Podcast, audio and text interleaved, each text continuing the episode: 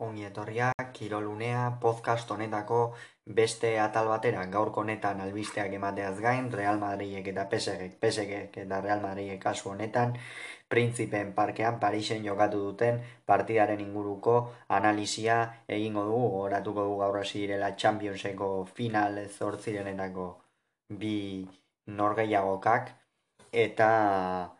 egia esan zein baino zein desberdinak izan direla esan genezake. Orain zen e, emaitzak esatera, gaurko partiden emaitzak, alde batetik guk aztertuko dugun partidan, Parisek bat eta irabazi dio Real Madridi, eta bestalde Guardiolaren zitik oso oso erraz irabazi dio Sporting Portugali, utxe da bost irabazi dio Portugalen beraz ja da erabat bideratuta utzi du kanporak eta oso oso une gozoan e, Guardiolaren ziti eta beraz hortxe. Eta bestalde ba horixe Parisek eta Real Madridek jokatu duten partida bat eta utxe eta bestalde Premierrean ere izan da beste partida bat Manchester Unitedek bi eta, bi, bi eta utx irabazi dio Brighton Hove Albioni. Horein guazen albisteekin, izan ere bidasoa irunek final zortzirenetan egoteko aurrera pauso eman du, tatran preso bi irabazita, goita mairu eta goita lau, irungo taldea nagusi izan da hasieratik amaieraraino eta garaipen garrantzitsua erdi etxi du hartalekun multzoen faseko zazpigarren jardunaldiko norgeiagokan bestalde realetik albiste txarrak iristen zaizkigu gaurko honetan, izan ere Janusaiek ezingo du jokatu Leipzigen aurkako joaneko partida eta zalantza atletiken aurkako derbirako realan jakinarazi duenez, handan Janusaik biceps femoralean lesioa du. Klubak ez du zehaztu belgikarrak no, jokatu ezin da emango duen epea bestalde txirrindularitzan Flandesko markatu Provenzan, Gabiriak irabazi du azkenengo etapa eta jirtek sailkapen nagusia Fausto Masna eta Rui Costa bigarren eta hirugarren postuan geratu dira podiumean. Eta orain bai, guazen Real Madridek eta PSG jokatu duten partida honen eh, analizia egitera, izan ere oso oso partida monologo bat izan da, bakar, bakarrizketa bat izan da gaurkoa Parisen tarren aldetik izan ere oso oso nagusi izan dira Real Madrid, Antxelotik egia da denak atera dituela, gaurkoan ere Karim Benzema amaikakoan zen, berreskuratu gaurko Karim Benzema eta onela atera dira bi taldeak. Alde batetik gan Paris Saint Germain donarumarekin atepean, Arraf eskuine galetik Nuno Mendes ezkerre galetik, Marquinhos Kimpembe, atzealdeko erdialdean, Danilo Paredesek eta Berratik osatu dute zela erdia eta goian Di Maria, Messi eta Mbappé. Ia da Messi ez duela goi-goian jokatu, asko zere atzerago, oso oso parte hartzaile jardun da Argentinarra batez ere lehen zatiaren bigarren erditikan aurrera asko eman dio Parisi naiz eta ez aukera garbiak sortu eta penalti bat utxe egin ere bigarren zatian asko eman dio. Eta beste jokalaria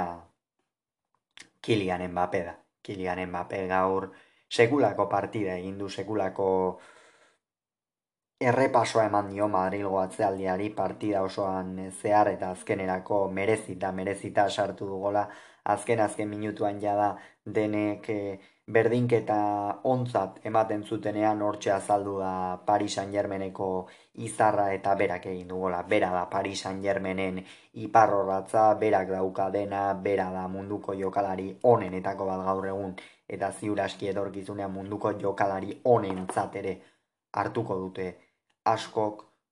kontu zibil urrengo urrezko baloia. Berak ez duen irabaziko eta ikeragarria izan da gaurkoan Kilianen bapek egin duen norgeiagoka ikusgarria benetan Enbaperen norgeiagoka eta bestalde Di Maria ba, Di Maria ez du beste munduko ezer egiteko aukerari izan, bai gainean parte hartzaile ibili da, baina orokorrean ez beste munduko ezer ez egiten. Bestalde Real Madrid kurtuarekin atera tepean militao eta alaba atzealdearen erdialdean, Karbajal eskuinetik, mendi ezkerretik, Kroos, Casemirok eta Modricek eh, osatu dute zelai erdia eta goian Vinicius, Benzema eta Asensio jardun dira. Izan ere zelai erdian nagusi izan behar zuen Real Madridek, baina oso oso gutxi jokatu dute Kroosek, Casemirok eta Modricek askoz ere gehiago hartzuen Real Madrid beraien aldetik, baina Parisek ez dio utzi. Parisek une oro baloia eduki du, ez du iaia baloia inoiz. Askatu Real Madridek berreskuratzen zuenean, zuzenean itxu itxuan kontraerasora joaten zen, baina ez zuen lortzen izan ere. Oso irmo jardunda Paris Saint Germaineko bai aldea eta baita aurre aldea ere, zela erdiko jokalariak batez ere Danilo Pereira eta berrati izan dira iparrorratzak, ikera arizko norgia oka jokatu dute bi hauek ere, eta bestalde PS Parisi arraf da bi egaletako jokalarietatikan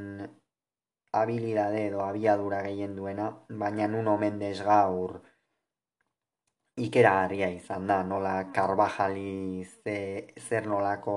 gainetik pasazaio, karbajali gaurkoan Nuno Mendes une guztietan eta benetan gaurkoan Carvajalek asko, asko sufritu du leganesko jokalariak, leganesen sortutako jokalariak. Merezitako emaitza azkenerako Parisentzat bat eta huts gogoratuko dugu ez dagoela orain balio bikoitza duen golik, kanpoan sartutako golekin, beraz, oraindikan ere, kanporak eta oso irekia, baina Paris Saint Germainek bere sailkatzeko apustuak areagotu egin ditu gaurkoan nabaritu da. Beste txispa bat daukala Real Madridek baino Real Madriden izar nagusia gaurkoan tibot kurtua izan da eta iruz palau jokalditan edo salbatu du. Aizpimargarriena ziuraski mesiren penalti hori. Eta hori esek, hori esek kontuak, beraz, Parisek bat Real Madridek utx, itzuleko, itzuliko partidara emaitza honekin iritsiko dira, eta ea zer gertatzen den itzuliko partidan. Gaurko zauetxek kontatu beharrekoak urrengoan gehiago eta hobeto ongi izan kirolzale urrengo bat arte.